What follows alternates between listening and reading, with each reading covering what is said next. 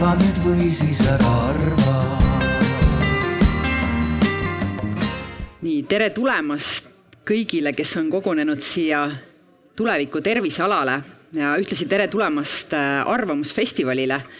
Ähm, kell ongi kaksteist, kuidagi ootamatult sai, mõned alles jõuavad, aga meie juba alustame ja äh, lisaks siia saabunud publikut, publikule ja äh, minu kaasvestlejatele laval ma tahan tervitada kõiki, kes kuulavad meid läbi siis internetiülekande kas oma aiatööde juurest, rannast või mustikametsast ja mul on hea meel, et teie olete ka meiega liitunud. et äh, sellises suuremas, laiemas äh, suunas liikuda inimkesksema, isikukesksema tervishoiu poole, me täna räägime ühest aspektist, mis on siis inimeste võime tegelikult selles inimkeskses tervishoius kaasa rääkida ja enda eest seista, äh, teada, mis nendega juhtub või mida nad soovivad, et juhtuks. me räägime terviseharitusest äh, ja, ja sellest, milline olukord on terviseharitusega, inglise keeles health literacy, äh, milline meil see olukord praegu on, võib-olla ei ole ideaalne, kuidas me võiksime seda parandada ja milline võiks olla see terviseharitus meil tulevikus. Äh, mina olen moderaator Riina Raudne, aga meiega on siia täna äh, tulnud arutlema äh, väga mitmepalgeline ja, ja erinevaid perspektiive siis valgustav paneel, et ma alustan sealt eemalt. Et Helen Haamer on meil elluastuv noor, kes just lõpetas keskkooli ja läheb kohe Tartu Ülikooli. temalt siis äh, saame kuulda värskeid perspektiive keskkoolist ähm, ja, ja, ja, ja noorsoolt üldse. Ähm, Laura Brett on äh, perearst. Äh, Kristjan Port, Tallinna Ülikooli tervisekäitumise ja spordibioloogia professor, kes õpetab õpetajaid, kes siis tulevikus võiksid Äh, teistele edasi õpetada tarkusi terviseharidusest, tervisekäitumisest.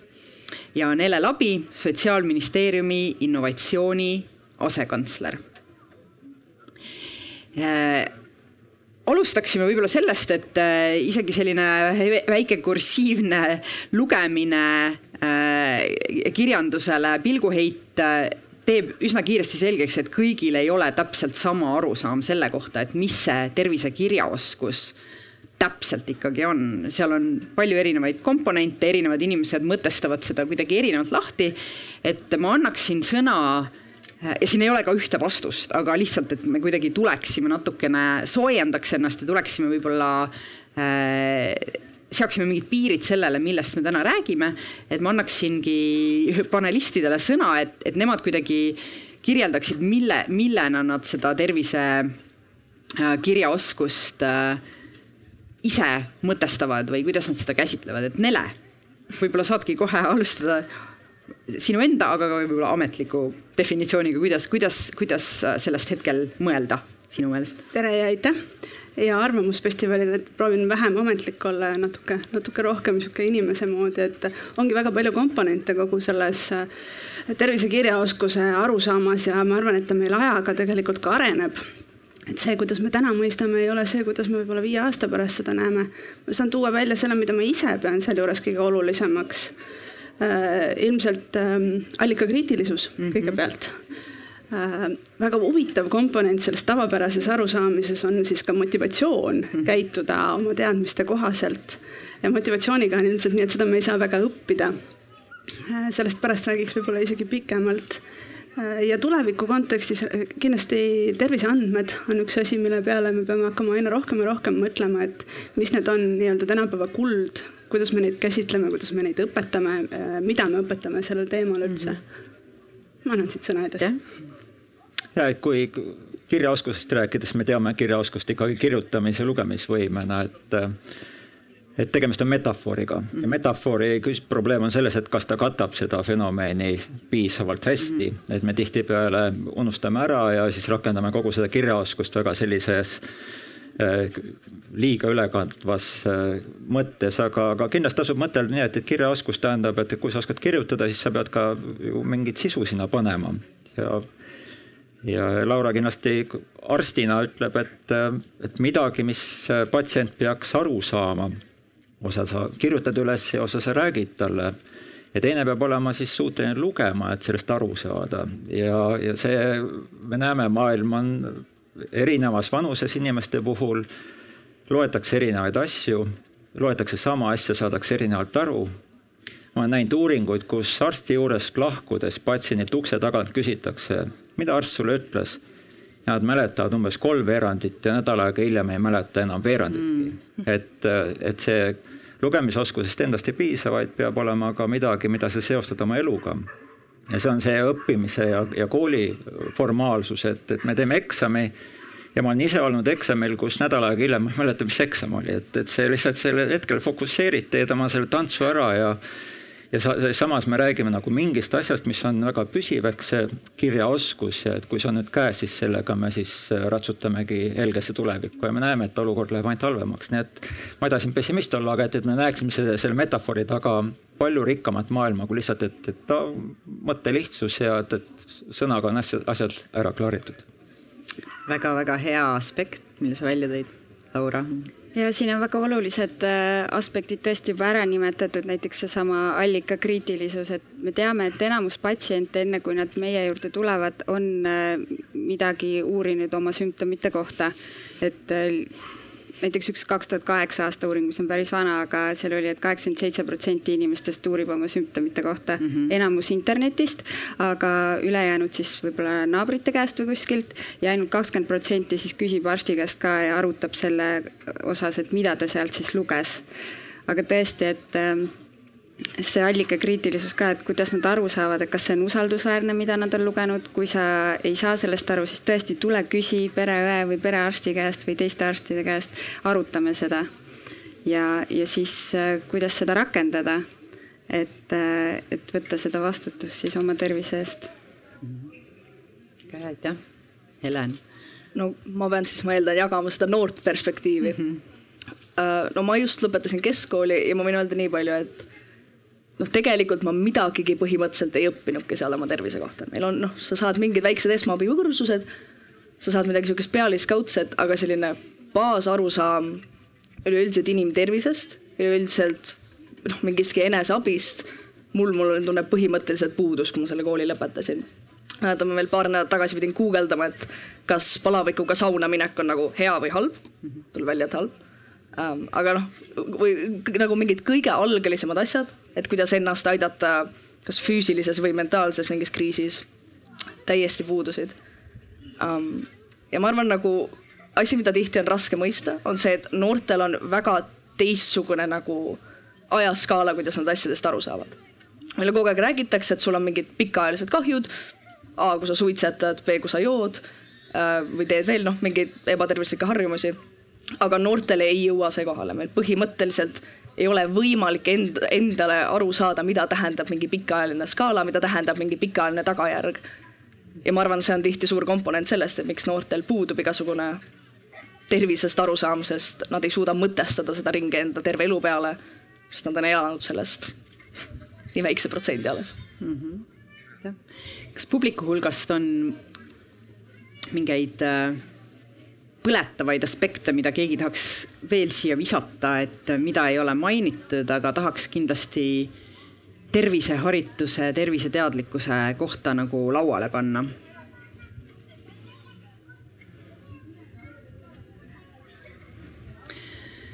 Kui praegu ei ole, siis ma raamin veel ise seda niimoodi, ma ühe definitsiooni leidsin, mis minu meelest hästi ägedalt võttis komponente kokku ja kuidagi tegi minu jaoks asju väga palju selgemaks, et, et seal eh, noh, neid, neid paljusid komponente võib veel ka niimoodi jaotada, et sul on kõigepealt funktsionaalne nagu tervisekirjaoskus, mis ongi põhimõtteliselt numbrite ja tähtede tundmine ja lugemine, et sa saad tähed ja numbrid kokku lugeda, sa saad mingisugusest lausest aru, siis järgmine aspekt või aspektide rada on siis äh, interaktiivne, et sa oled võimeline selle info põhjal loetu, loetu teemal näiteks arstiga arutlema või näiteks siis äh, teistele seda selgitama või näiteks äh, mul on kodus äh, väiksed lapsed, talle selgitama, miks me peame nüüd auru tegema või midagi, midagi sellist. Ja, ja siis kolmas aspekt on reflektiivne ehk siis, et see on siis see allikakriitilisus või, või see, et kui me oleme mingi info vastu võtnud, siis me mõtleme sellest nende erinevate printsiipide raames, mida meil on veel vaja arvesse võtta ja siis oleme võimelised otsuse tegema. loodetavasti siis ka siis seda otsust ellu viima, kommunikeerima. Äh, see kuidagi aitas äh, mul äh, väga hästi aru saada sellest. Helen tegelikult natuke juba tegi selle teema lahti, aga võib-olla üks selline ring tagasi ma sinult nüüd enam ei küsi, sest sa tegelikult juba kaldusid sinna, aga et, et, et mis olukord meil praegu on, kui me vaatame tulevikku äh,. mõtleme, kuidas me tahaks, et see terviseteadlikkus, tervise äh, kirjaoskus tulevikus oleks, et mis värk sellega praegu on ja kas Eestis on eriti palju halvem kui mujal? Laura, mida sa näed äh, iga päev, kui sa patsiente vastu võtad? Äh, ma arvan, et meie patsiendid on päris teadlikud, aga on kindlasti ka patsiente, kes vajavadki nende algtõdede meeld-, kellele peab algtõdesid meelde tuletama, et miks on magada vaja korralikult, kuidas toituda, miks on liikumine oluline. et selline prima-, nii-öelda primaarne ennetus, esmane ennetus võiks olla ikkagi tehtud juba enne seda, kui nad meieni jõuavad. et äh, meieni jõuavad ju patsiendid tavaliselt juba mingite probleemidega, mingite häiretega mm. -hmm. ja ja mul on tunne ka, et meie patsiendid teinekord ei tea lihtsalt sellest tervishoiusüsteemi korraldusest väga, et näiteks äh, frustreerun natukene et kui äh, oli see Covidi aeg ja äh, valitsuse pressikonverentsil öeldi välja, et äh, inimesed, olge hea, suunake oma eesti.ee aadress oma tavalisele meiliaadressile, et te saaksite kõik värske info, siis meie telefon järgmine päev oli punane, et kõik patsiendid küsisid, et kuidas ma suunan oma emaili aadressi oma meilile. aga noh, see ei ole küsimus, mida tegelikult ju perearstilt või pereõelt küsida, et niimoodi ei saa liinile inimene, kes tegelikult abi vajab mm. -hmm. ja, ja kindlasti on väga palju, mida saab paremaks teha, et koolitada patsiente ehk siis sa ütled, et äh, lisaks terviseteadlikkusele on seal väga palju selliseid logistilisi, üldist süsteemi teadlikkust, osk-, muid oskusi, mis, äh, mis oma tervise eest hoolitsemiseks on vajalikud, aga nad ei ole otseselt isegi seotud tervisega. ja ma arvan küll jah, et siis oleks lihtsam lihtsalt, et see ressurss äh, läheks siis õigemasse kohta mm. -hmm. Kristjan. Helen juba pööras tähelepanu, et, et noortele koolis ei räägita tervisest ja seda ei räägita mitte sellepärast, et, et poleks vaja rääkida, vaid selle efektiivsus on väga madal. et, et kui, kui mõelda, ma olen kokku puutunud esimese tüübi suhkruhaigete noorte probleemiga, see on väga sümptomaatiline, nad peavad vägagi jälgima oma suhkru, veresuhkru taset ja insuliini režiimi kui nad on lapsed, siis nad jälgivad seda, teismeliseks jõuavad, nad satuvad koomasse sagedasti, et siis võiks arvata, et neil on ju pikk elu taga juba olnud, et nad, nad peaksid juba targad olema, aga see murdeiga on selline iga tõesti, mida see nimi ütleb, et siis on väga raske rääkida asjadest, mis on ebameeldivad, ebameeldivat on maailmas niigi palju ja tervis on kindlasti ebameeldiv teema ja sealt edasi, kui sa jõuad sihukest keskikka ka, siis ega tervis ei ole mingi selline nauditav teema, tervisega on tavaliselt stigma seotud, et, et me peaksime kultuuris muutma seda, et, et tervis on ikkagi ressurss nagu rahagi, millega sa saad oma probleeme lahendada, probleeme edasi lükata ja probleemidega hakkama saada aga meil kultuuris endiselt tervist käsitletakse ikkagi peamiselt haigusena ja, ja seega medikaliseerimise perspektiivi kaudu. Ja seega on väga iseloomulik, et inimesed ei taha rääkida ega mõteldagi, vaid ütlevad, et, et kuskil on valge kitliga abiline ja, ja miks mina pean teadma, et, et sina ütle mulle, kuidas emaili siirdada ja, ja kõike muud, see on tervishoiu probleem. Ja see räägib sellest kultuurist, nendest vaakumidest, nendest aukudest, mis selles suures kontiinumis puuduvad ja ja seega me peaksime rääkima sellisest äh, terviklahendusest, mis ei ole mitte, et üks terviklahendus nagu telliskivi vaid terviklahendus, mis koosneb niveleeritud elementidest, mis sobivad sellele sihtrühmale, aga need, meil seda esiteks kogemust ei ole ja teiseks ka arvatavasti seda ressurssi pole olnud. sest seni inimesed on elanud suhteliselt lühikest aega, küllaltki palju on töötatud rusikareegli järgi ja, ja on rahuldatud, aga praegu me näeme elukvaliteedi paranemisega enam ei rahulduta mm. -hmm. ja seda, seda peaks hakkama nagu ära klaarima, aga tekib küsimus, et kes seda siis klaarib, et ta satub mitme ministeeriumi vahele, et, et sina oled ühest ministeeriumist, siis on haridusministeerium kindlasti eraldi veel. et, et neid, et kui, kui vaadata erinevate ministeeriumite neid white paper'id või, või tuleviku perspektiive seal kõikjal räägitakse midagi tervisest ja kehalisest aktiivsusest, aga mitte keegi ei ütle, kes seda tegema peab mm. -hmm. et nad ise ei kavatse seda teha, et, et see kuskile nagu siirdub mingite elementide vahel, nii et, et, et see on jällegi tänuväärne, et meil see vestlus toimub. aga tihtipeale me läheme sellest vestlusest koju ja siis ette, et see oli nagu vestlus, jube tore, et vestlus oli ja see jääb tegemata mm. -hmm mina võtan ministeeriumina täna asekantslerina. ütle nüüd ametliku sõna no loomulikult ei olegi tervis ju ühe ministeeriumi teha asi, et, et see ei lõppe meil kuskil ministeeriumi ukse taga ära ka. et ähm, selles mõttes on minu arust väga hea, et väga paljude valdkondade äh, paberites iseenesest on see terviseteema ka sees. Äh, ja miks me seda ka erinevalt peame käit-, käsitlema, on seesama, et erinevates ühiskonnagruppides, vanusgruppides, meil see teadlikkus on ka kindlasti erinev, millist allikat pensionieelikud äh, rohkem usaldavad, kust see äh, eestlaste siiski väga suur usaldus äh, arsti vastu, et kui mul on diagnoos käes, et peale seda, mis siis täpselt toimuma hakkab, et seda siis arst tõesti käe kõrval peaks juhatama. ma arvan, et kus meil see kehvem pool tegelikult on, on terviseennetuse osas.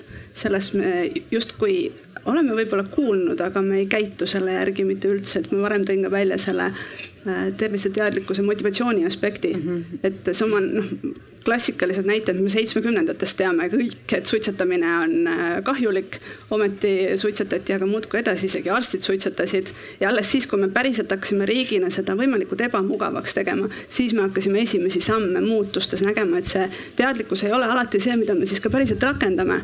ja riik peaks siin olema nii palju kavalam, et neid samu teadmisi ära kasutada, et, et kui me teame uuringust, mulle tuli üllatusena, et kui palju siis inimesed arsti ukse taga äh, ära unustavad sellest, mis talle räägitakse räägiti, kas siin ei ole elementaarne järeldus selle kohta, et ju see siis tuleb talle kirja panna.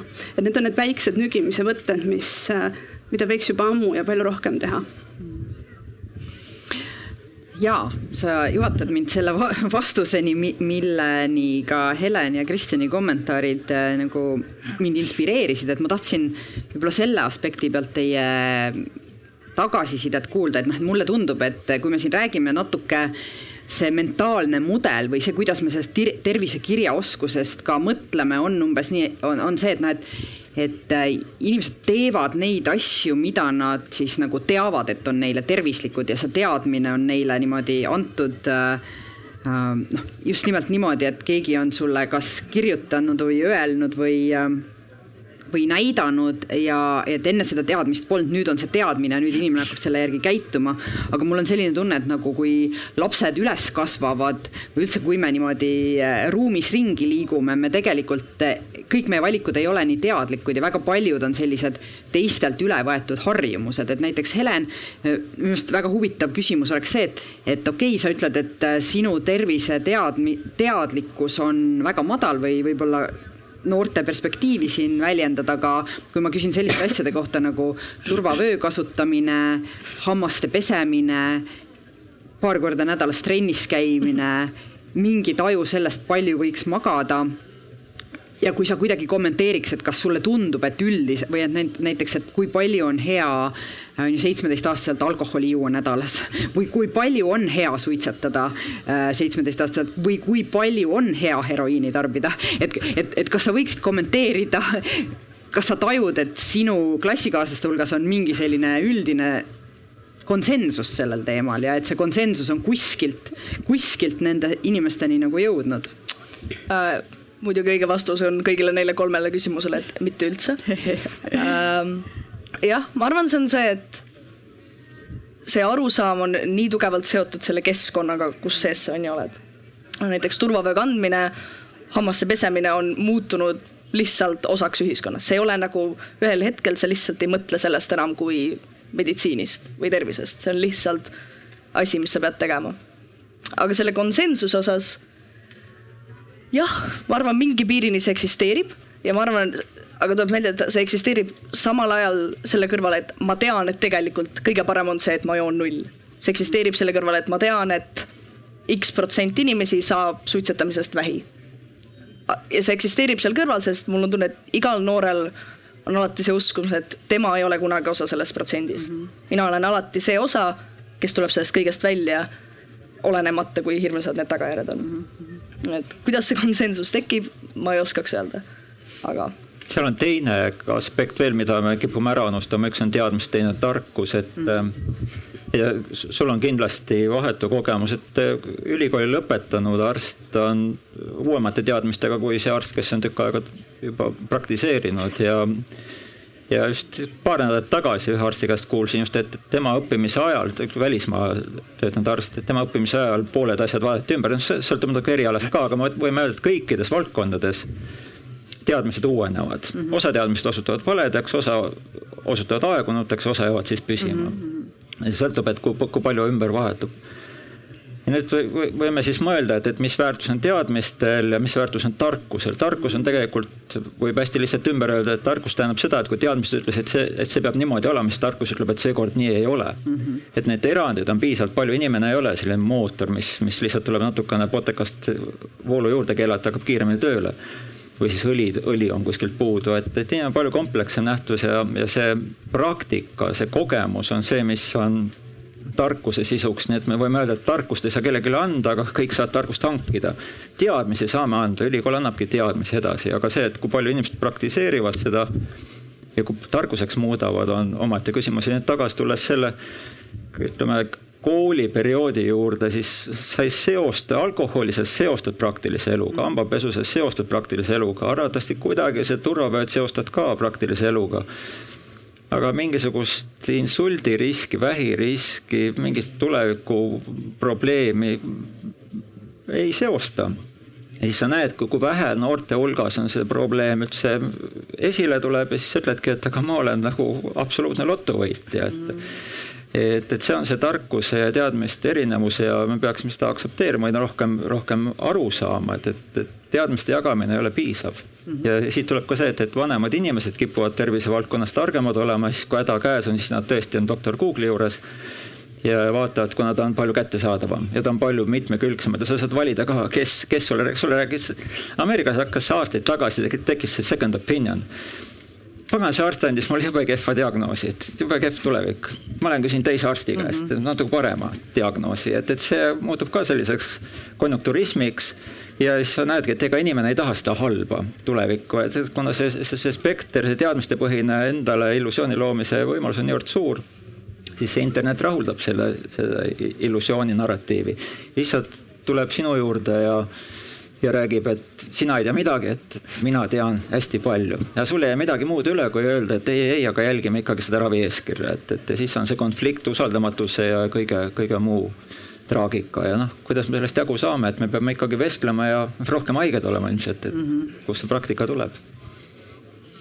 Nele, sul on äkki ei, ma olen selle, tegelikult läheb ju kogu aeg sinnasamasse kohta allikakriitilisus, et, et kust ja mida me siis äh, loeme, äh, millist kvaliteedimärki me kuskilt saaksime juurde anda ja, ja mida me ühiskonnana ja oma ala ekspertidena siis äh, toetame juurde ja, ja mida mitte, et see on meie kõigi pädevuses ju kodus vanemate, õpetajate et äh, ma ei tea, kuidas see ring vahepeal nagu on natuke maha kukkunud meil, et äh, ma ei tea, kas koroona aitas sellele kaasa.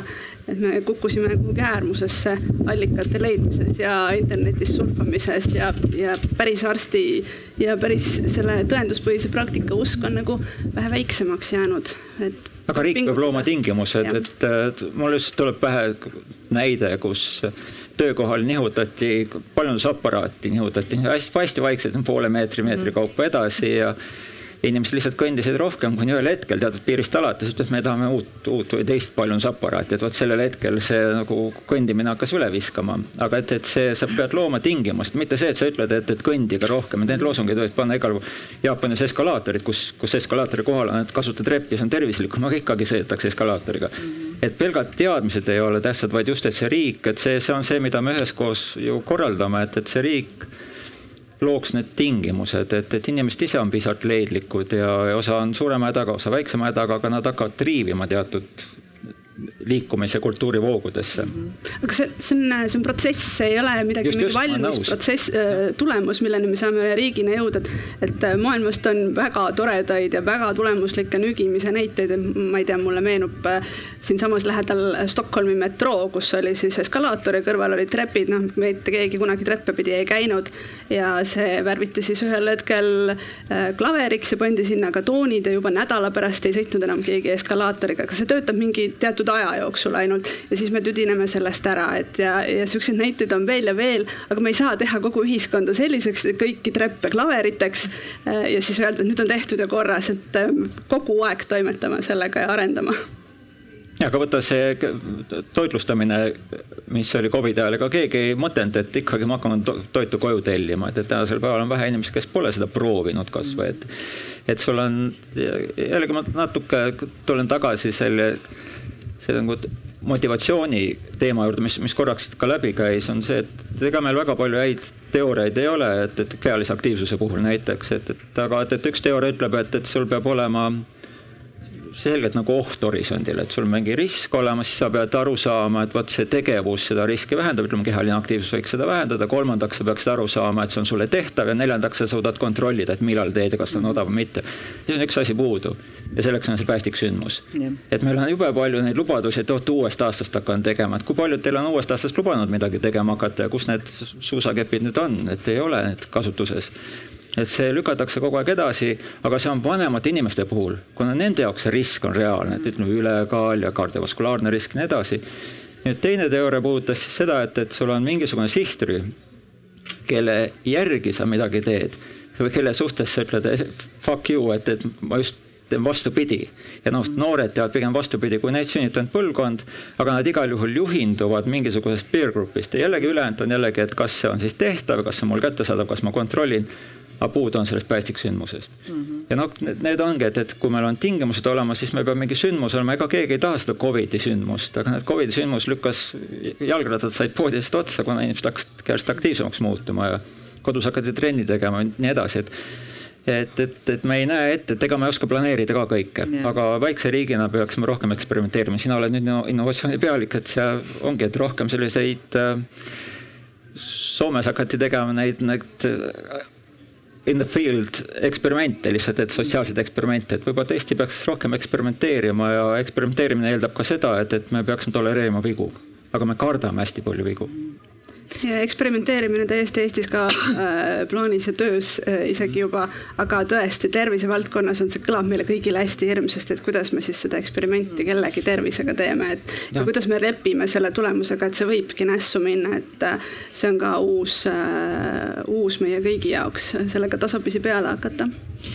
Mul tekib siin selline reflektsioon ja see reflektsioon on mul tegelikult juba väga ammu ka olnud, aga et noh, et äh, võib-olla üks, üks probleemidest on ka see, et me noh, oleme olnud ka nüüd ajalooliselt modernsema meditsiiniperioodil selles protsessis, kus me järjest selliseid eluvaldkondi nii-öelda medikaliseerime ja siis meile tundub, et äh, läbi tervise neid niimoodi lahendades või, või, või läbi tervise neile lähenedes me saame neid kuidagi paremini kontrollida või teistmoodi, aga et noh, et kui sa ütled just, et ennetust on vähe, et mulle tundub ka, et ennetust on väga raske teha tervisesüsteemist et, et tegelikult ennetus on see, mis toimub kodus mm. -hmm. ennetus on see, mis toimub meil kergliiklusteel või sellel, kas see kergliiklustee seal on või ei ole, ehk siis kohalikus omavalitsuses ennetus, ennet-, siin on väga palju ennetust, näiteks meil on äh, ma ei tea, me siin äh, keskkonnakatastroofi ennetame läbi selle, et meil on taaskasutatav tass või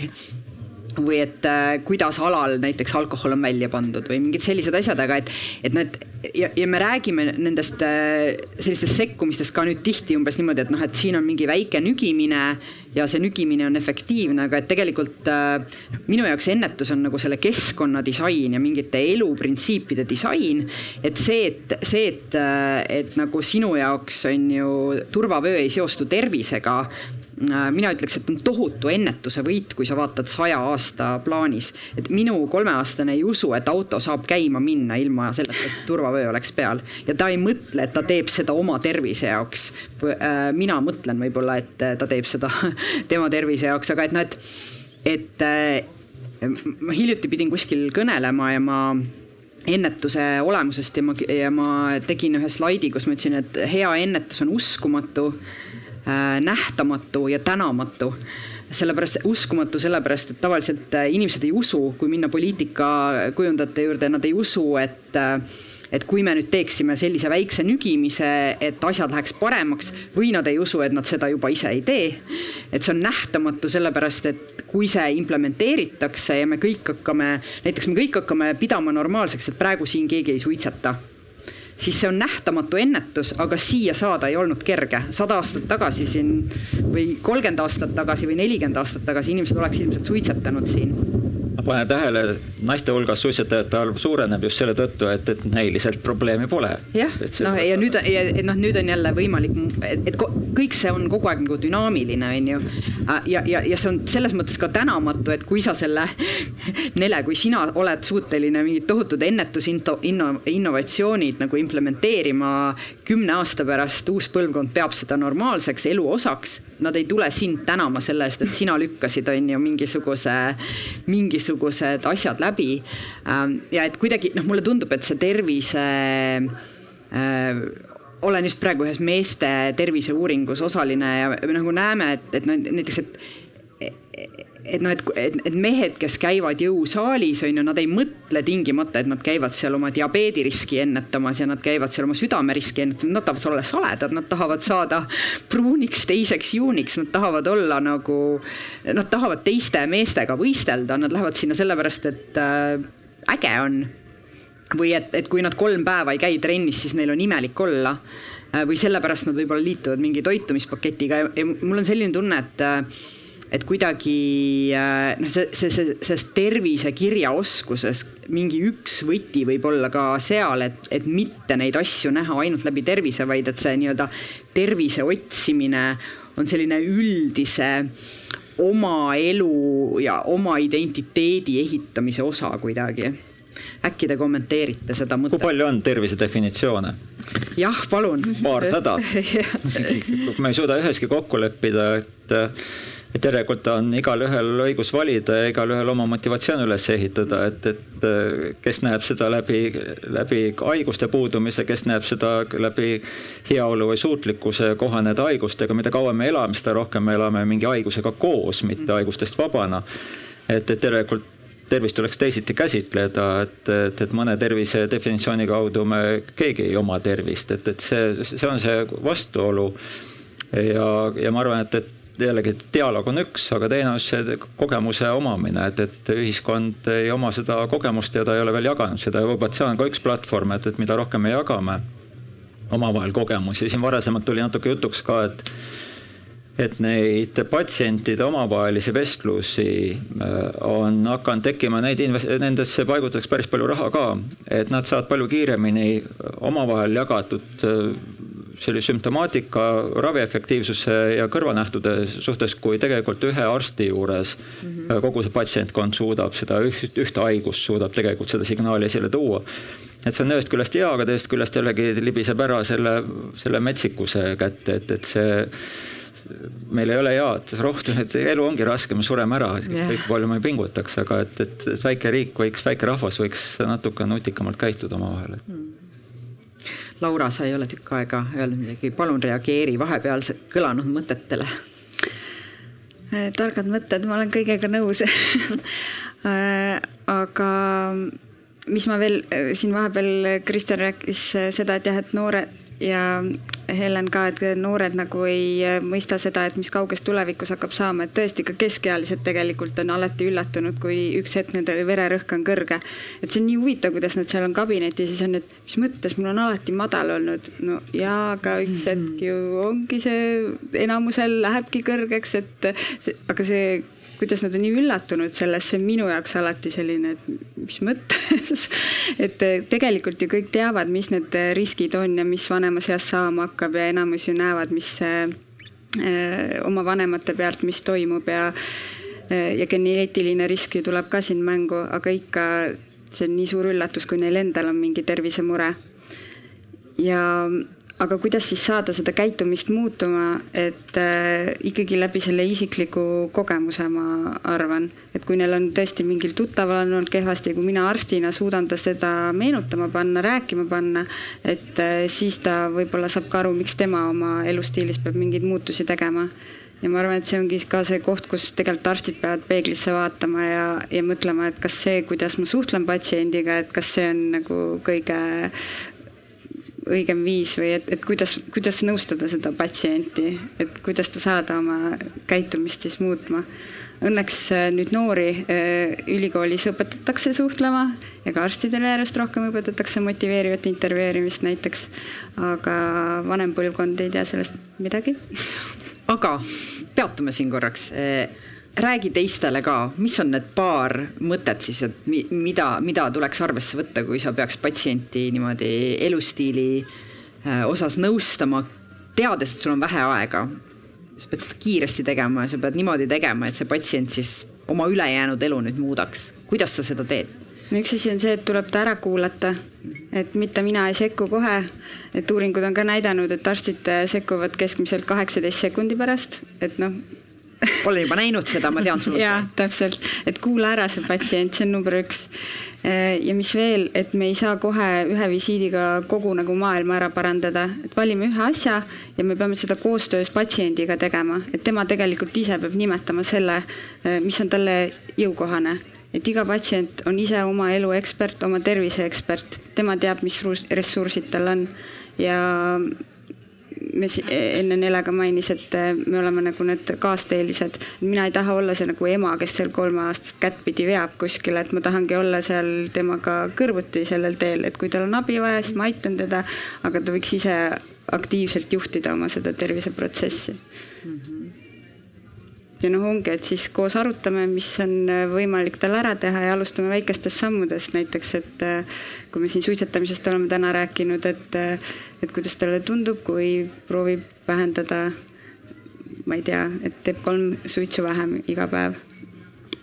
aga noh, ta peab ise olema valmis selleks vähendamiseks ka, et kui ta ütleb ei, siis meil ei ole mõtet täna sellest rääkida, räägime võib-olla aasta pärast ma võin siis nüüd äh, mingi natuke rõõmustavama sõnumi Eesti poolelt ja innovatsiooni poolelt ka öelda siis, et personaalmeditsiin, ilmselt võib-olla kõik siin olijad on seda sõna kuulnud, aga, aga oma idee poolest me oleme ju andmas äh, üsna peagi arstidele rohkem vahendeid kätte selleks, et äh, selle inimesega diskussiooni jõuda, et näidata, et sinu geeniandmetest tuleb see, et sul on väga suur tõenäosus siin üks või teine haigus või tervisehäda endale saada. ja näed, kui sa nüüd näiteks kümme kilo alla võtad, siis graafik joonistab tunnistab, et sellisel juhul see, see sinu risk ikka oluliselt kahe, kahaneb. et need on noh, need on need platvormi asjad, mida riik saab pakkuda mm. -hmm. et ähm, ootame siis vähemalt seda sammu tulevikust, mis ja. peaks varsti paistma aga, aga asumegi tulevikku arutama. Äh, meil oli siin äh, endal korra kimbatus, et millist tulevikku me mõtleme, et kas äh, seda tulevikku, mis, mida me näeme kahekümne, kolmekümne aasta pärast või seda tulevikku, mis on peale metaversumit mis võib olla ka kahekümne, kolmekümne aasta pärast või sellist saja aasta pärast äh, tulevikku, aga, aga mõtleks korra, et meil on ikkagi olemasolevad patsiendid ja me tahame neid kasvatada nende järgnevate elufaaside jaoks, et äh, kuidas kasvatada tarka patsienti siis tuleviku jaoks? siit saab selle silla teha, et äh, tulevik on kindlasti kallim, et keegi mm. ilmselt ei eksi, see on usutav. miks see kallim on, on, on just tervishoiusüsteemi mõttes on see, et, et kui sa tead riskitegureid ja meil on sensoorikat ja geneetikat ja arvatavasti epigeneetikat ja igast asju tuleb meil juurde et selle tulemusel sa teada, et sul on see kümneprotsendiline, kahekümne, viiekümne protsendiline risk. inimesed ei ole väga, ütleme tõenäosusteoorias instinktiivselt ei tunneta seda hästi ja ega äh, ongi ka ülikooli lõpetajad ei, ei tee seda hästi, arstid ei tee seda hästi, paljud teadlased eksivad seal. et see on selline valdkond, mida evolutsioon meie jaoks ei ole tuuninud, aga et, et, et aga traagika on selles, et kui sa saad teada oma riski siis osa inimesi muutuvad haigeks, ilma et see risk oleks realiseerunud. Nad hakkavad käituma nagu haiged, kuna neil on kõik need probleemid, arvatavasti tulevad ja nad lähevad ja, ja kulutavad tervishoiusüsteemi ressurssi.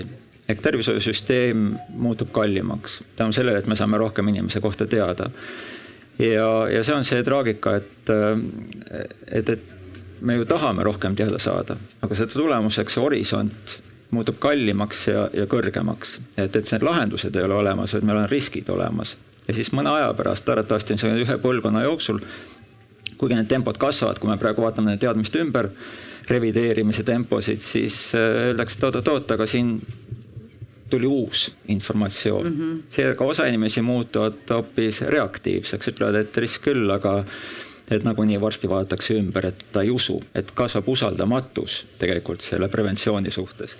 ja siin me oleme, et, et elu ei ole ideaalne, et aga et, et kuskil me peaks mingi, suutma kuidagi seda, seda tasakaalu hoida, et ja see on arvatavasti inimeste informeeritus ja tarkus. et, et pelgalt teadmistega sellest, sellest džunglist läbi ei, ei, ei reisi. Helen oh ma ei teagi. noh, ma ei usu, et mul ei ole väga palju öelda, kuidas ütleme, keskealisest patsiendist teha tarka vanemaealist patsienti. nii et ma oskan pigem rääkida enda kohta. aga ma arvan, et kõige lihtsam viis, kuidas noortele seda mingitpidi selgeks teha, ongi füüsiliselt panna mingid tervisetunnid gümnaasiumisse kohustuslikuks, panna kõikidele lastele algkoolidesse kohustuslikud esmaabitunnid, teha see osaks tavalisest koolist, nii nagu me otsustasime üks hetk, kehaline kasvatus on nii, et me otsustasime, et käsitöö on. seepärast, et mis mul on praegu tunne, on see, et noored vaatavad meditsiini ja tervist kui kahte täiesti eri lahku mm.. me kardame meditsiini, nagu ma tean, et minu vanused, me ei julge minna arsti juurde. võib-olla meie perearst on väga tore, aga see on mingite põhimõtete pärast hirmus. Sa saad, oled seal haiget saanud, sa saad seal süsti, sellega on halvad tunded seotud mm. -hmm et sa igal ajal üritad sellest eemale hoida, onju. ma arvan, et ainuke viis, kuidas seda ealist parandada, ongi tuua see nii lähedale, kui saab. minu Tallinna Inglise kolledžis näiteks on terviseedenduse tund, mida annabki arst Teele Marand, kes räägibki siis igapäevaselt, et mida teeb arst, miks ta neid asju teeb, miks ma vaktsiini saan, miks ma tohin võtta tuhat grammi paratsetamooli või tuhat milligrammi paratsetamooli ka kaheksasada ibu, ibu, ibukat ja luua see kuidagi nagu realistlikuks, käegakatsutavaks ja elulähedaseks, sest ma arvan, et see ongi see suur probleem, miks noored ei taha seda tervist, enda tervist parandada või ei taha siis ka üldse abi otsida. sest seal on mingi sihuke nagu, sa oled selle valli endale ette ehitanud ja keegi ei ole kunagi üritanud sulle ka nagu meditsiinis seda kätt ulatada ja öelda, et tegelikult ma tahan ju sind aidata, see on nagu, see on kõik sinu kasuks, see ei ole sihuke hirmutav osa mm -hmm. elus. nagu sa küsisid tuleviku suhtes, tegelikult me peame ju küsima, et kaua me elada tahame, et kui kaua sina elada tahad? jah, kui kaua sa tahad elada? okei okay.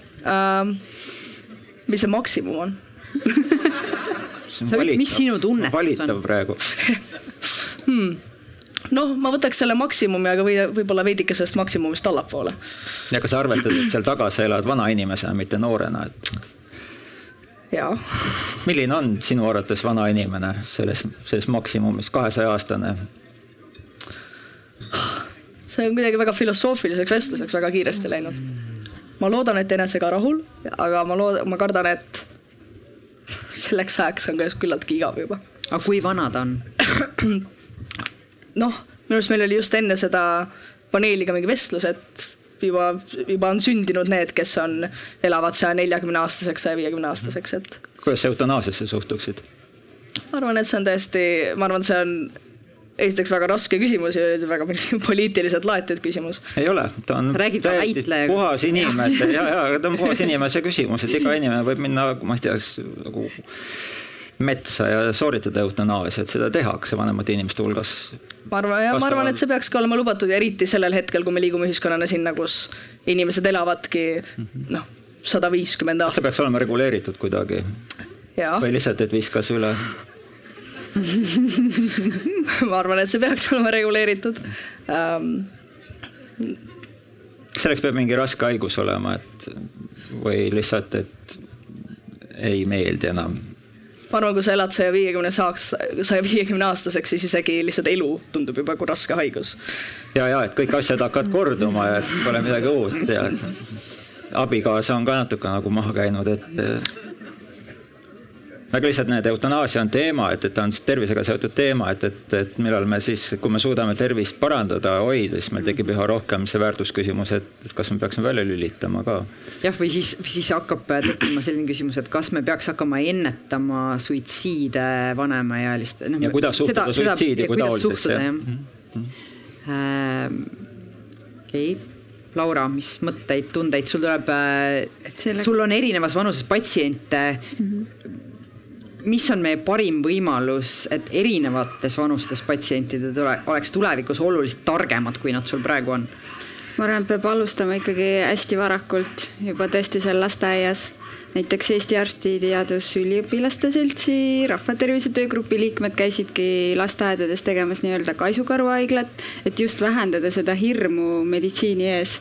et mindigi sinna oma stetoskoobiga ja, ja siis lapsed tulid oma kaisukarudega ja kuulasime nende südant ja oma patsientidega samamoodi, et kes väga-väga äh, kardab mind, neid õnneks on vähe et äh, nendele vanematele ma ütlen ka, et tehke kodus hästi palju arstimängu, et see muutuks nagu normaalseks ja tal oleks huvitav ja kui ta järgmine kord tuleb, et siis ta teab, mis toimub ja, ja niimoodi vaikselt peab äh, harima neid. kõigepealt teeme emmele süsti, siis teeme arstitädile süsti ja siis teeme lapse. ja, ja siis peab seletama ka, miks seda süsti tehakse, et jah, see tõesti on valus, aga, aga see on vajalik ja kindlasti, kindlasti ei tohi hirmutada last sellega, sest on ka selliseid vanemaid, kes ütlevad kodus, et oi, kui sa nüüd ei käitu nii, et siis lähme arsti juurde, ta teeb sulle süsti, et noh, see on täielik karuteene tegemine mm. -hmm.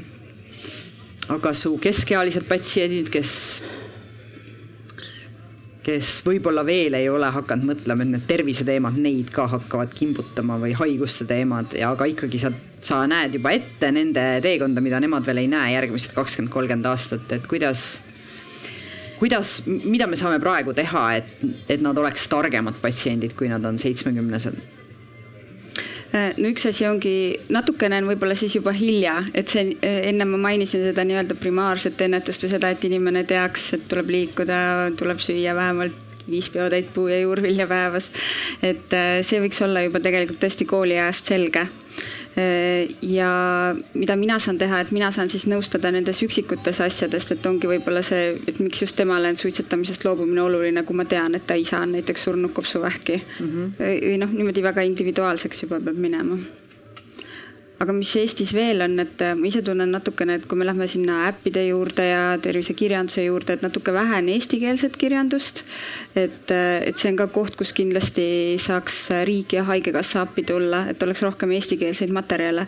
kellele on suunatud eestikeelne, et, et äh, Helen lõpetas kooli ingliskeelsena, et, et see on palju suurem valik ju. absoluutselt, aga eh, keskealine praegu ikkagi eelistab mm. eesti keelt. noored saavad inglise keeles tõesti hästi hakkama, aga näiteks ka Haigekassa materjalid on tasuta, paljud inglisekeelsed äpid, näiteks just vaimse tervise äpid on ikkagi mingi hetk tasulised, et kuu aega saad tasuta kasutada, siis ta läheb tasuliseks ja siis arvestades eh, meie riigi elatustaset, et siis ei olda nõus selle äpi tasu maksma kas sa näed äh, vahet nagu patsientide hulgas, kes tulevad ja inglisekeelses kirjanduses orienteeruvad ja teevad seda haridustööd endaga versus inimesed, kellel ei ole ligipääsetav see materjal? Äh, ma kõige rohkem näen vahet võib-olla hoopis venekeelsete ja eestikeelsete patsientide vahel, sest äh, ma ise ka natuke nätan nende nõustamisega, ma saan täiesti, ma saan hakkama vene keelega, aga ma saan ise aru, et nad ei saa nii head nõustamist, kui saab minu eestikeelne patsient ja mul ei ole ka neile venekeelseid materjale näpu vahele anda, nii häid, kui on eestikeelseid. et äh, näiteks pika Covidi juhend, mis tehti väga pikk asjalik eesti keeles, aga ei ole raha, et tõlkida vene keelde. siiamaani ootan juba mitu kuud, aga noh, ma näen ise, et tegelikult on see väga vajalik. jah ministeeriumi ametnik, äkki tahad kommenteerida? vabandust. Lähen ja lähen sinna tööle tagasi otsin, et kus see raha on. saad selle raha tekitada. aga ma ei tea, hästi ilusast tulevikust rääkides, siis äh, minu jaoks äh, see ennetav tulevik on selline, et me võimalikult kaua ikkagi hoiame ära selle, et inimesed üldse patsientideks muutuvad. ja noh, see baasmeditsiin loomulikult arst ei tohi karta, et, et see küll, aga, aga see tõeline ennetus ongi nii, nagu sa ennem ka ütlesid, nähtamatu, uskumatu ja nii edasi, et mis mulle muret natuke teeb, need kaks edulugu, millest me siin täna rääkinud oleme, nii suitsetamine kui ka see turvavöö, et need on kaks väga väikest asja ja tegelikult aastatepikkune väga suur töö, väga palju raha läks selleks, et me need kaks tibu ära tooksime. meie ühiskond on ikka veel selline sedapidi pööratud, et me paneme kogu terviseraha sinna otsa, kus diagnoos on käes. ennetusel on väga pisikene tükk, et see, see mõtteviis, et me hakkaksime ennast üldse pöörama sinnapoole, et ressurss läheks sinna, et me jõuaks patsiendiks, diagnoosituks.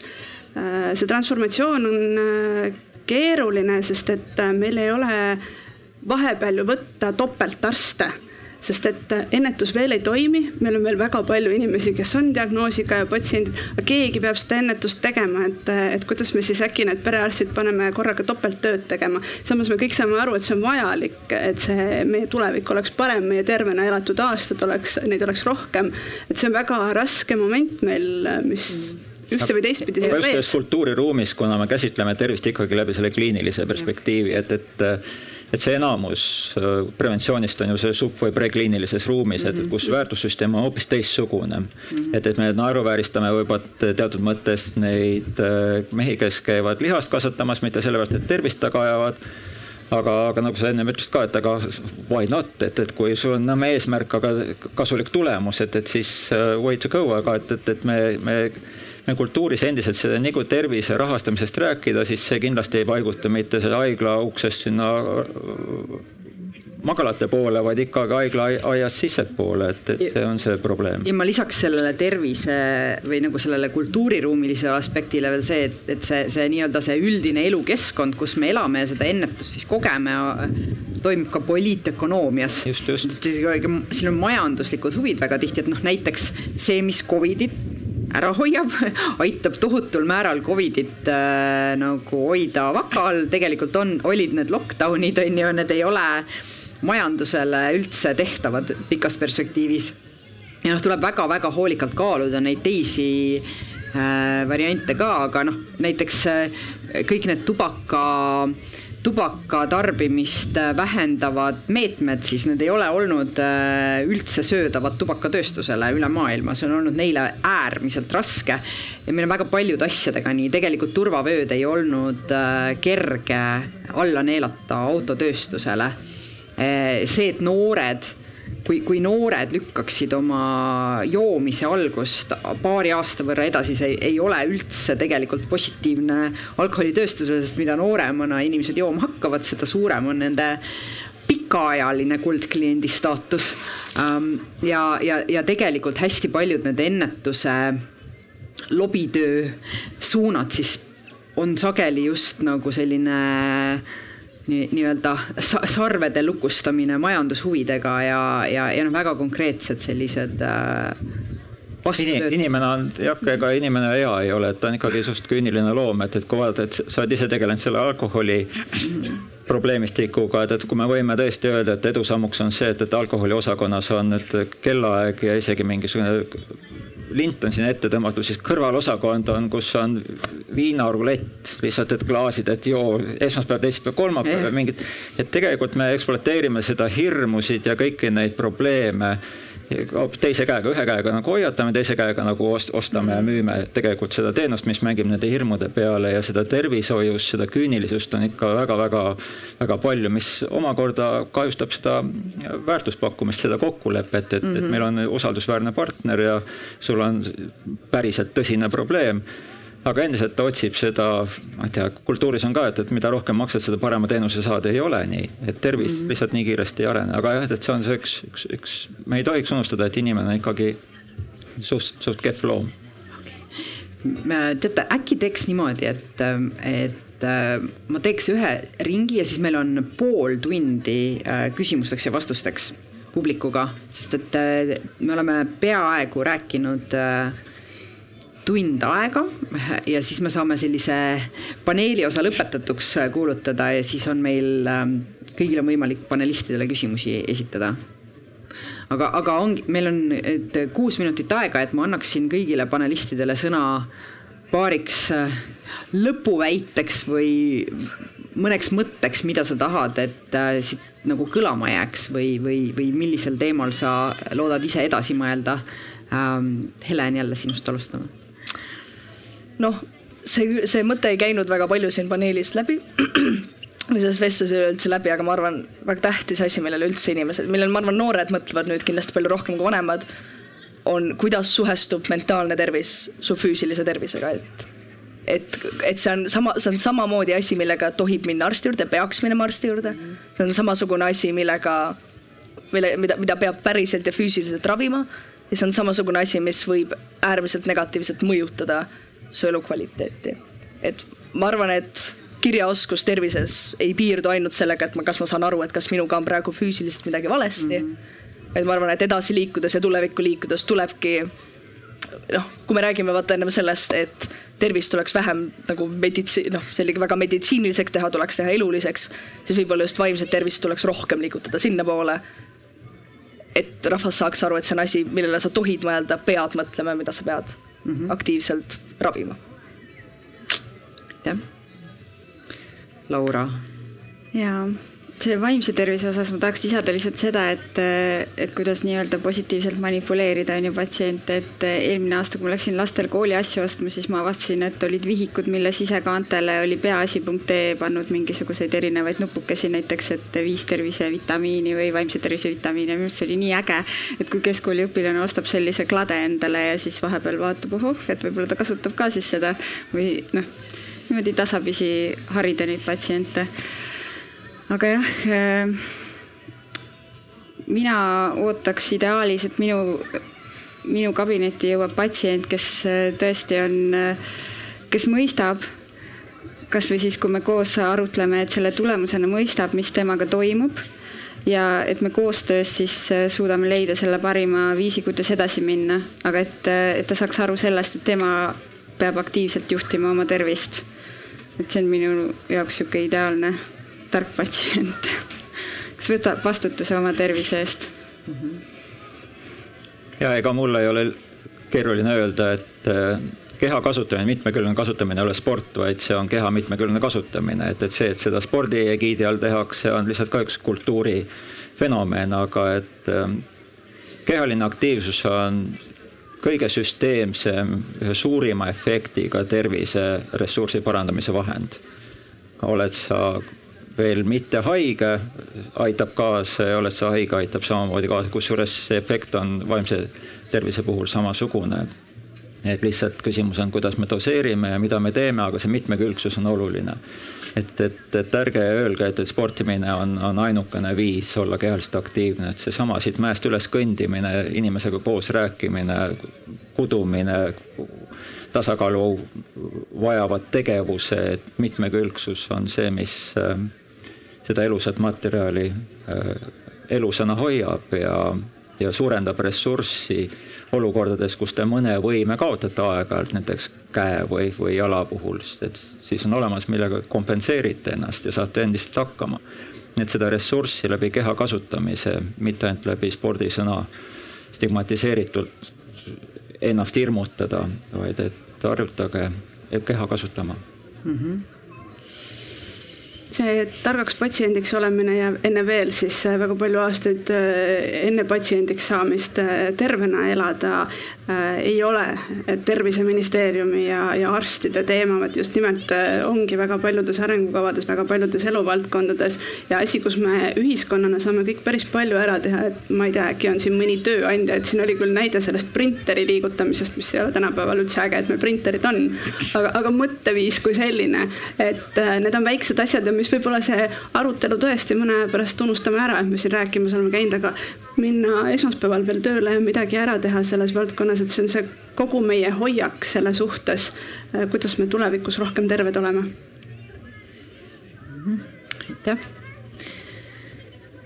ja kell on äh, kaksteist, mis tähendab, et äh, me liigume praegu oma arutelu sinnapoole, kus äh, kõik küsimused, mis on vahepeal tekkinud, mõtted võib nüüd esitada panelistidele ja me natuke siin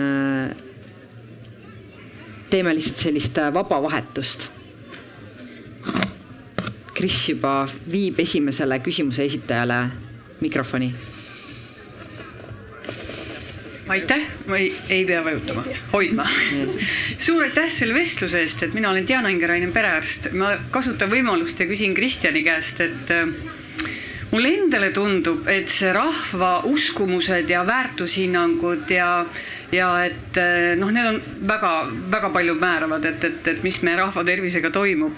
ja nüüd, kus ma olen üle kahekümne aasta perearst olnud, et on tulnud täiesti uus nagu mõjur siis sealt äh, turunduse või siis müügi poolest mm., kus leitakse meist siis selline usalduskrediit, et osta neid Wunderwanderi juuri või kivisid või mis iganes asju või, või lase endale teha mis iganes teste. et eh, küsi oma perearstilt nagu ennem järgi.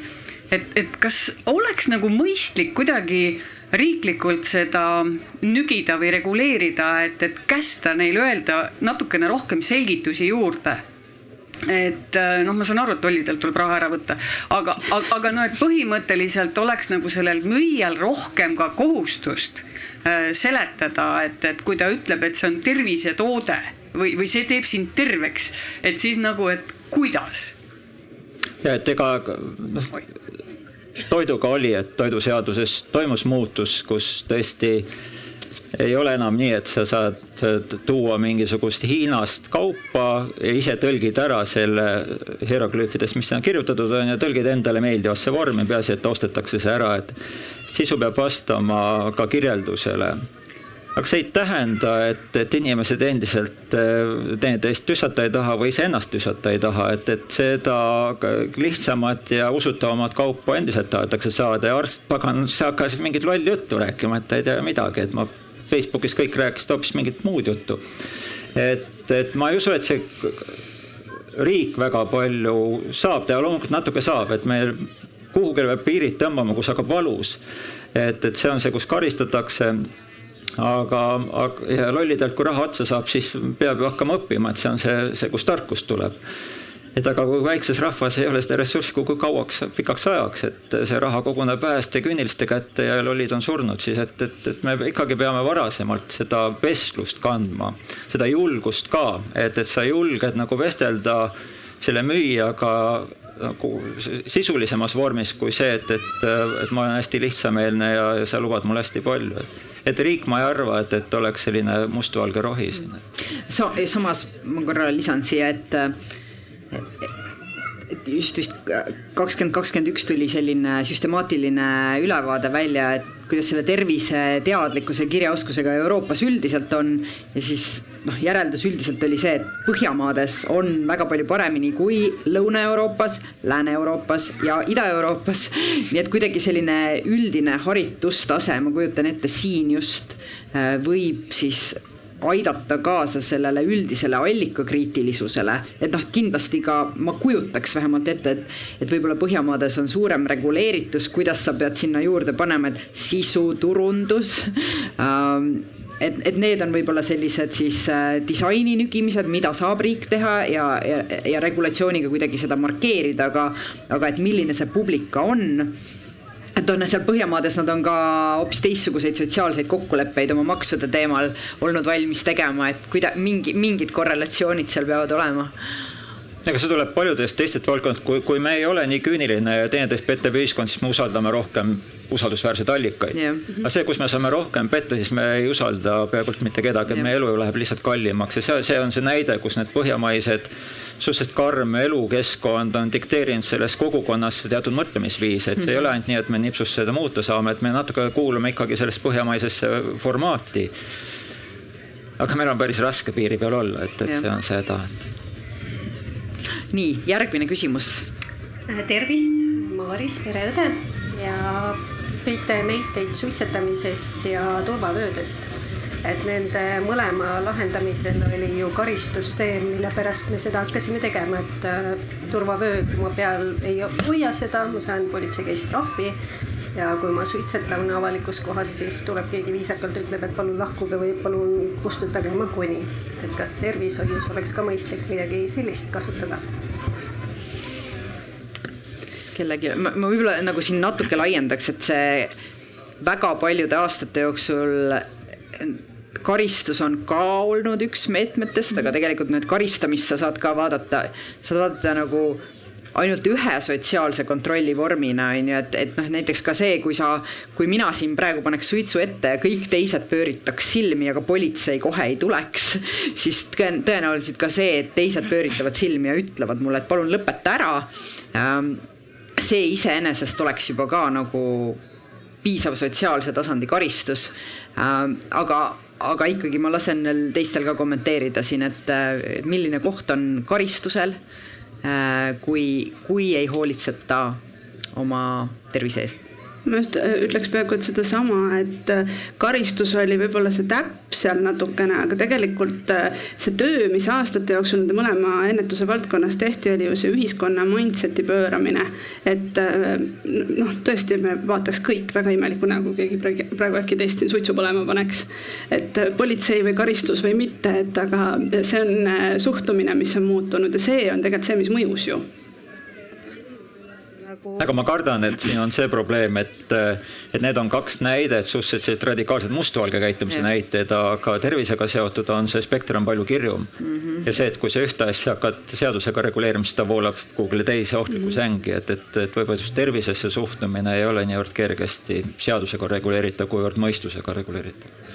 seda suitsetamise asja, et kui eile oleks seadus tulnud ja sa täna paneksid suitsu ette, siis tõenäoliselt oleks veel seitse tükki, kes paneks ka suitsu ette. aga kuna see aeg on teinud oma töö, et meie mindset on muutunud, et noh, kuna meil ei ole tervishoius töötajaid, äh, meil ei ole ressurssi, et kas karistus või mingid tagajärjed ei oleks üks meede, et soodustada mindset'i muutmist? ma arvan, et jah ma, ma panen ka siin oma eksperdimütsi pähe, lähen moderaatori rollist korraks välja, aga et, et, et, et siis sõltub hästi palju sellest, et mis konkreetselt tervisekäitumisest me räägime, et kuidas sa siis mõõdad. et noh, et kas saab öelda, et keegi ei ole piisavalt liikunud ja nüüd tuleb teda karistada või kuidas me seda rakendaks tegelikult või et, et ta ei ole piisavalt oma suhkrut vähendanud. Äh, et on söönud äh, liiga vähe juurvilju, aga on söönud äh, liiga palju puuvilju, on ju, et, et ma arvan, et seal on nad nagu hästi paljudes kohtades on jube palju nüansse, mis leiavad aset hästi privaatsetes tsoonides ja sellisel, sellistel juhtudel karistus võib väga kergelt lõppeda sellega, et sa tegelikult karistad neid, kes ei, kes saavad oma eluga vähem hakkama. Ähm, ja, ja see võib nagu neid ebavõrdsusi suurendada see on kuidagi see, kuidas mina olen tajunud, aga palun lisage siin ka. on veel, et te võite käe üles tõsta, kes siia sõites liikluskiirust ei ületanud. sina ainukesena ülejäänud siis ületasid, et, et äh, meil on ju reeglid olemas et aga, et kui tingimused võimaldavad, siis ja ülekaalu suhtes samamoodi, et, et kõik teavad, mis on tervislik toitumine pagan see, mille pärast hiired endiselt lõksu lähevad, iga aasta tuleb nüüd uusi hiirelõksu patente ka juurde. see juust maitseb väga hästi. et see olukord loob lihtsalt selle võimaluse ja et, et seetõttu see, see reegel tundub sellel hetkel väga vähe oluline. aga elu ja surma küsimus, seda tuleks natuke nagu kultuuri kaudu läheneda, mitte paragrahvide kaudu. jah kas kellelgi on mõni mõte või küsimus? seal on üks küsimus, Kris, palun äkki aitad? seal ees murul.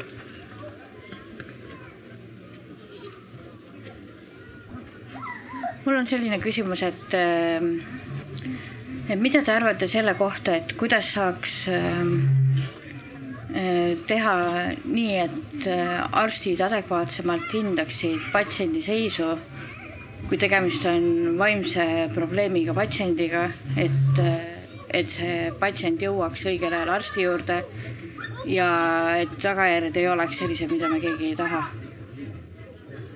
et kui me rääkisime ennem suitsiidsusest ja muudest sellistest asjadest, siis äh, alati me ei jõua arsti juurde mm. -hmm mina ütle, vastaks niimoodi, et, et nagu Nele enne rääkis, et noortel on mingi hirm arsti juurde mineku ees, et kuidagi seda hirmu maha võtta, aga ma arvan, et see põlvkondade vahetudes ka muutub, et noored ongi avatumad ja lood natuke paremad võib-olla suhtlejad ja, ja see noh, varem oli see, et arst on nagu see mingi jumalus seal ja et see ei ole enam ammu nii, et tegelikult peabki olema koostöö ja partnerlus arsti-patsiendi su suhtes siis. Ja mida rohkem see nagu patsiendile ka selgeks saab, seda ma loodan, et seda nagu kergemini nad tulevad, et siis neil ei ole nagu seda hirmu, et see hirm läheb maha ja ta tuleb ja räägib oma muredest. aga eks see võtabki aega.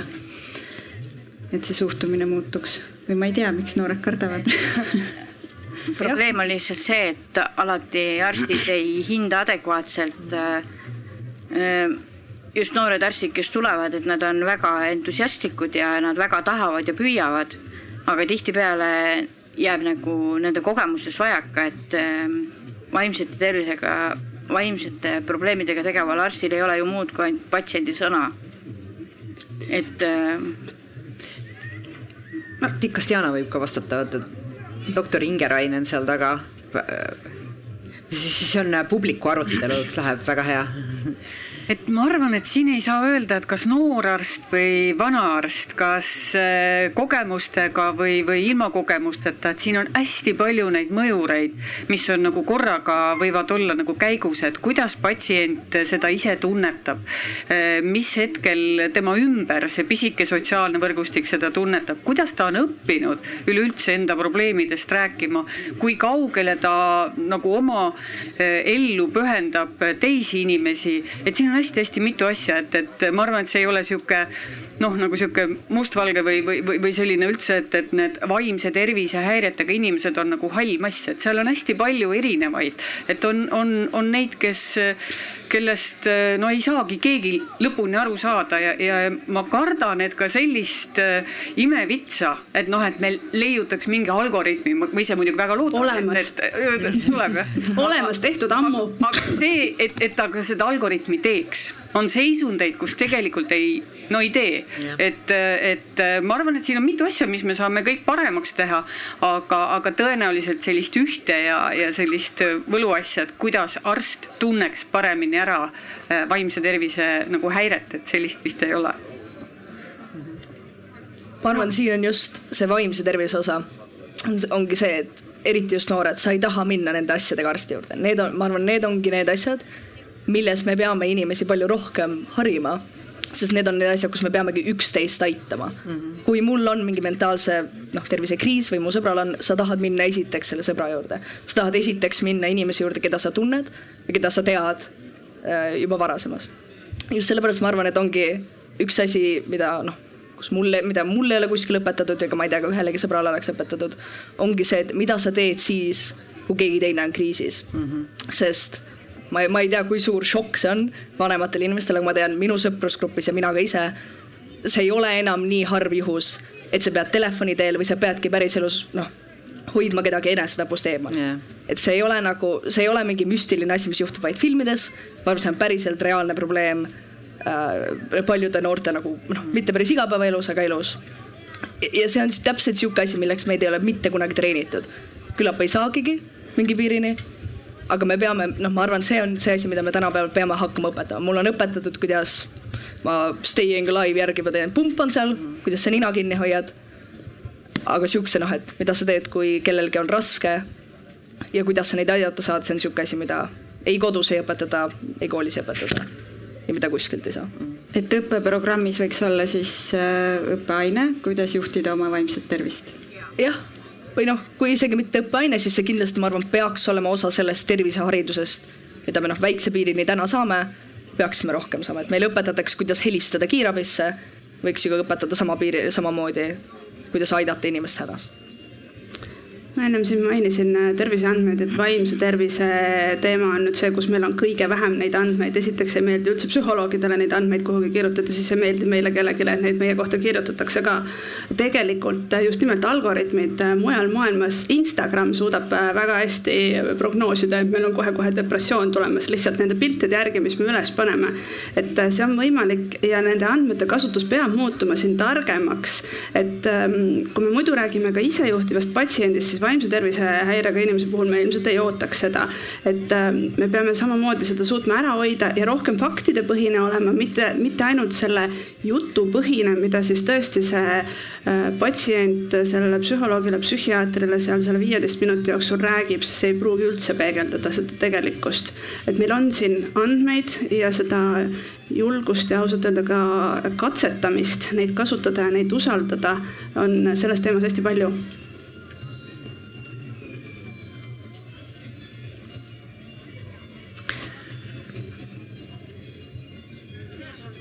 palun, siin on üks küsimus. jah, Kris meil on vaja seda. Neid on mõttekas osta, kas neid on mõttekas süüa, vitamiine, sest ma olen tähele pannud inimesi, kes neid ostavad metsikult kokku, söövad neid ja tervemaks nad pole sellest läinud. aga need, kes neid propageerivad ja pakuvad, need oskavad niivõrd hästi sulle neid ka pähe määrida ja rääkida, kui kasulikud nad on, aga mis arstid arvavad? Minu meelest te ise praegu vastasite oma küsimusele ka kenasti, et, et need inimesed, kes söövad neid vitamiine, et tervemaks nad pole saanud. aga arstina oma patsientidele tavaliselt ma ütlen, et kui nad söövad mitmekesiselt ja regulaarselt, siis ainuke vitamiin, mida nad võiksid juurde võtta, on vitamiin D talvekuudel. Mul lihtsalt tuleb meelde, neid on natuke üle tosina uuringu, need on suhteliselt suured massiivsed uuringud aga see üks, mis nagu selgelt meelde tuleb, oli üle viiekümne viie aastased suitsetavad Soome mehed, ülekaalulised, kes nagu selgelt riskigruppi kuuluvad. ja, ja nende hulgas need, kes tarbisid vitamiine, nende suremus oli suurem ja suremuse vähki ja kardiovaskulaarsesse sündmusesse. ja ja see on nagu arusaamatu, et kas vitamiinid on siis mürgised ja tegelikult vastus on selles, et nad, nende tervisestiil või elu, elu, elustiil oli niivõrd kehva, et nad arvasid, nad saavad selle vitamiiniga nagu õhtul selle ära nullida. et see, see vitamiini müük, need lubadused, mis antakse, tegelikult maskeerib seda halba käitumist, seda halba tervisekäitumist ja see on tihtipeale see, et sa esiteks kaotad raha ja teiseks kaotad tervist. et, et, et tasub jällegi olla mõistlik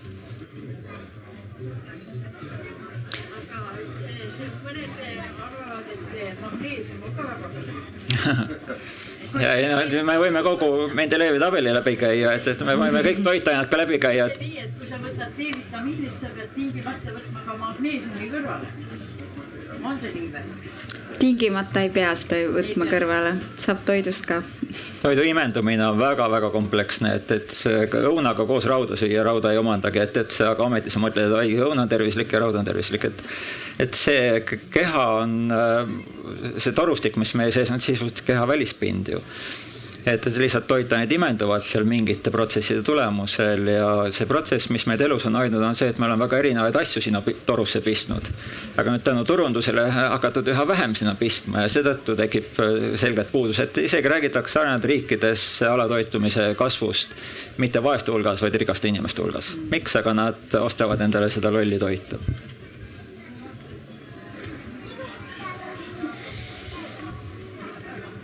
on veel küsimusi panelistidele või vastupidi, kas on panelistidel küsimusi publikule sellel teemal, et kuidas siis tulevikus patsiendid oleks targemad? kuidas te surra tahate kiiresti jah, ongi. et, et kui vaadata seda pikaealiste ehk üle saja aastaste äh, suremust, nad surevad samadesse haigustesse kuhu surevad need viie-kuuekümneselt surevad inimesed. et see haigus hakkab hiljem, ta on lühemat aega intensiivselt, äh, noh, ta, ta lõpeb mitte nii, et, et see elu on viimased viisteist aastat olnud äh, vangistuses. ja mitte ainult sellele inimesele, vaid tema lähikonnale samamoodi et jällegi, et me peame arvestama ja rääkima tõsisemalt nendel teemadel ka, et, et, et üks on, et elu on ilus, aga et me peame mõtlema just, et, et, et Eestis on siis pluss viiskümmend viis vist on, kuskil viiskümmend viis on see, kus on haigustest vaba elu. Aga suremus on meil seal kuuekümne viie, seitsmekümne juures, et et, et see on haigustega seotud eluperiood, et ja see on väga kulukas emotsionaalselt, valus personaalselt ja, ja kulukas ühiskonnale, et, et jällegi, et me peaks mõtlema, et kui palju me kliinilisse ruumi peaksime paigutama. Ja praegu me mõtleme, et see on hästi turvaline, et, et keegi tuleb appi, Laura tuleb appi ja, aga tegelikult saab neid asju edasi lükata ja et see on see kultuurimuutus, mida peaks kuidagi edasi arendama. Kristjan, kas sa pakud välja, et ja trennid. osa, jah, trenn, trenni kindlasti, aga et osa tark patsient olemisest on tegelikult äh, olla oma, oma surma suhtes targem ja läbimõeldum. Jah, mõned kultuurid ja see Helenas tõi isegi esile, et, et tuleks varakult rääkida teatud terviseteemadel, mõnes kultuuris äh, lapsed räägivad, lastega räägitakse sellised surmateemadel, surm ei ole hirmuäratav mm., et surm on loomulik elu osa ja, ja kui me seda loomuliku elu osana näeme, siis me suhtume julgemalt, me näeme seda horisonti natuke selgemalt ka ja et, et me ei ole, meil on raskem seda vaipa alt ära tõmmata, siin on vaipa hästi palju, et et, et just see küüniline müüja ei tule sulle seda tervist müüma, vaid, vaid sa tead, et mis see surm on, sa oled seda piisavalt palju lähedalt näinud, kuna sa ei ole seda kartnud.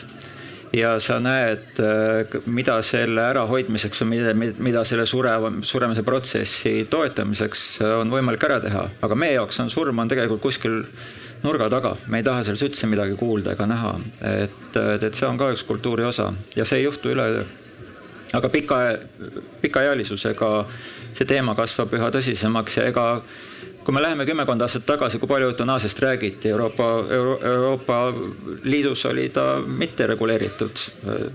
suitsiid oli peamiseks lahenduseks, aga nüüd on ta paljudes riikides juba täiesti ametlik. Ühendriikides vist pooltes osariikides on ta juba pakutav teenus, et, et seal on küll suhteliselt karmid põhjalikud reeglid, aga näete, eutanaasia on muutumas ka loomulikuks diskussiooni osaks, aga see tuleb mitte sellest, et et meile elu ei meeldi, vaid sellepärast, et me elame kauem. Ja seal tagumises otsas on probleeme, millega me ei ole harjunud kokku puutuma publiku hulgast on üks küsimus. Ehm, mul tegelikult tekkis selle teemapüstituse peale hoopis üks raamatusoovitus, mida ma just äh, äsja lugesin. Ehm, mina olen Ave Habakuk, mina töötan sellises kohas nagu avaliku sektori innovatsioonitiim ja selline äh, väärikas suremine on tegelikult see teema, millega mina sellel aastal töötan. ja, ka just see, et äh, mis, mis ja kuidas peab muutama nii nii-öelda inimeste poolt laiemalt kui ka arstide poolt ja meditsiinisüsteemis, et et me saaksime natuke rohkem äh, juhtida oma suremist ja, ja, ja ma ei tea, teadlikumalt või, või väärikamalt surra. ja, ja lihtsalt nüüd praegust puhkusel all ma lugesin ühe sellise raamatu läbi, see on BJ Milleri raamat, äh, pean uuesti üle vaatama, mis selle pealkiri nüüd oli A beginner's guide to the end mm, -hmm. mis on, äh, kui me oleme hästi palju, äh, kui sa saad lapsevanemaks, siis sul on hästi palju raamatuid, mida lugeda, mis räägivad sulle, et raseduse ajal, mida su keha teeb, mis siis saab, kuidas see sünnitus käib, kas see on nii õudne, kui see tundub, mis pärast saama hakkab. mida teha, kui su kolmeaastane laps tõmbub punaseks ja, kõik see. siis The beginner's guide to the end on just selline raamat, mis räägib nagu suremisest ja mina siin kolmekümnendate alguses praegust raamatut lugedes tundsin ennast palju nagu kindlamalt ja selgemalt selle. võimestatuma surijana et äh, nii nii, äh, nii surijale kui ka siis äh, surija toetajatele on tegelikult see raamat mõeldud, nii et ega tegelikult tajud enda elu ju tegelikult julgemana, et see ei ole mitte see, mis nurga tagant koll tuleb, vaid sa tead, kus, kus ta on, mis nägu ta on. mis öelda, Mary Roach'i The Stiff on ka, see on juba aastaid tagasi tulnud, aga see lihtsalt räägib, mis laipadega juhtub, jällegi mitte, et see oleks mingisugune, aga, aga inimene, kes suudab selle huvitavasse vormi panna. Eh, ja kui me seda kogu aeg endast eemale hoid-, tõukame asja, mis on täiesti loomulik elu osa et, et siis me oleme millestki puudu, miski on, kusjuures laip ei ole ju eitav, et see ei ole negatiivne nähtus. narkomaaniast võiks mitte mõtelda, aga näed, narkomaaniast me teame palju rohkem kui tegelikult inimese. kusjuures laipade puhul kogu, kogu see organit, just äsja oli see näide ka tuli meediast käis läbi, kus äh, loomaorganeid elustati, nii et, et nad hakkasid uuesti elama ja see on jällegi üks, üks probleem, et, et, et elustamise temaatika samamoodi. me peaksime sellest rohkem teadma. mul tuleb lihtsalt näide, et paari aasta eest oli see juhtum, kus kus leiti koomas inimene tee äärest, teda hakati elustama, särk tõmmati lahti ja seal rinna peal oli tätoveeritud, et ärge mind elustage. ja küsimus on, et kas teda tuleks elustada või mitte, see on päriselust tekkinud juhtum ja helistati siis kiiresti kiirabi eetikaeksperdile. ja seal toimus teatud diskussioon ja siis öeldi lõpuks, et ärge elustage teda. miks? aga sellepärast, et ta oli kirjutanud, ärge mind elustage, ta oli tätoveerinud oma allkirja siia alla. näete, väike õiguslik erinevus ja sina lähed õigust õppima, et, et väike õiguslik erinevus väljendab inimese soovi, kas teda elustada või mitte ja kui me neid teemasid äh, ei teadvusta, siis jällegi, et me oleme millestki sellest tervisespektrist, see on täitsa pime koht ja ma ei tea, kuidas seda tulevikus tuleks klaarima. kui see oleks olnud digiallkiri, see ei no, oleks välja paistnud. eestlasel ongi kuskil mm, aitäh selle soovituse eest, Ave. Ähm, nüüd meil on äh, järgi kuus minutit kas on veel mõni põletav küsimus kellelgi või, või mõnel panelistil veel mõni põletav küsimus publikule? ma ei tea, kui põletav see on, aga olles ise esindamas dementsusega inimesi, noh, see viimane jutt viis selleni, et kolmekümneselt, ka viiekümneselt võib-olla mäletan, aga aga seitsmekümneselt, kaheksakümneselt, kui see asi kätte jõuab, siis enam ei mäleta aga siit see küsimus, et kas ja juttu oli tarkuse jagamisest, et kas need patsiendi esindusorganisatsioonid või, või patsiendiühingud, haiguspõhised ühingud, kas nendel võiks ka olla mingi suurem roll selle tarkuse jagamise, jagamisel? Ja, ja noh, ka selle teadlikkuse tõstmisel, et et nad täna on Eesti ühiskonnas ühed nõrgemad, ühed vähemad, aga enamasti ikkagi siuksed õhinapõhised mm et kuidas te siin näete tulevikus see tark patsient ja tarkuse jagamine omavahel? ministeerium paluks ministeerium. ministeerium saab siin vastata, et on kindlasti tõenduspõhisuse ja andmete usku, et, et kui äh, ühing äh, kasutab algandmeid ja tõenduspõhiseid äh, metoodikaid, siis absoluutselt loomulikult. et siin on alati see mure, et kui kaugele see kolmanda sektori tegevuse reguleerimises üldse riik peaks minema, et, et äh, väga ei tahaks sekkuda ega piire peale ka panna, aga ilmselt selline riigipoolne toetamine saab toimuda ju mingitel kindlatel tingimustel, et mitte kõigile ja helikopteriga aga see on oluline osapool, et, et näete, et sa ise ütled ka, et, et neid on vähe ja nad õhinapõhised, et kui see dialoogi osapool puudub, siis ongi poliitik vaatab keda, kelle, kedagi teist, kes kõva häält teeb, et nii see poliitika välja kujuneb nii see ka raha, raha jagamine, et haigla sees on ilmselt suuremad ja häälekamad huvigrupid kui ennetuse pooldajad, kes on jagunenud ja killustunud. näiteks ülekaal on muutumas äh, raviprobleemiks äh,, aga enamus ei peaks olema haigla temaatika, et, et aga näed, see on lihtsalt, et keda rohkem kõvemat häält teeb, see sealt välja tuleb. Jah, et kui, kui otsida minu meelest sellist õiget vastust sellele küsimusele, et kuidas võiks olla, kui me korraks raha kõrvale jätame, et siis igal juhul tundub, et et noh, et kui see tervisekirjaoskus äh, mingite definitsioonide kohaselt, rääkisime enne sellest, et palju definitsioone on, aga mingite definitsioonide kohaselt see ei ole ainult see, mida indiviid teab ja mis tema peas on, vaid see on tema in, indiviidi ümber olevas sotsiaalses võrgustikus või ka sellises, sellises kultuuriruumis olev teadmine et siis kindlasti organiseeritud patsiendigrupid, kes ei ole mitte meditsi-, ei ole nagu meditsiini äh, töötajatest äh, koosnevad, et nad, nad saavad kindlasti hoopis teistsugust perspektiivi pakkuda ja hoopis teistsuguse ligipääsetavusega nagu materjali pakkuda ja, ja paljudes riikides, kus sellistel organisatsioonidel on võim-, võimalik nagu suurema ja rikkama ühiskonna pealt kuidagi rohkem raha tõsta.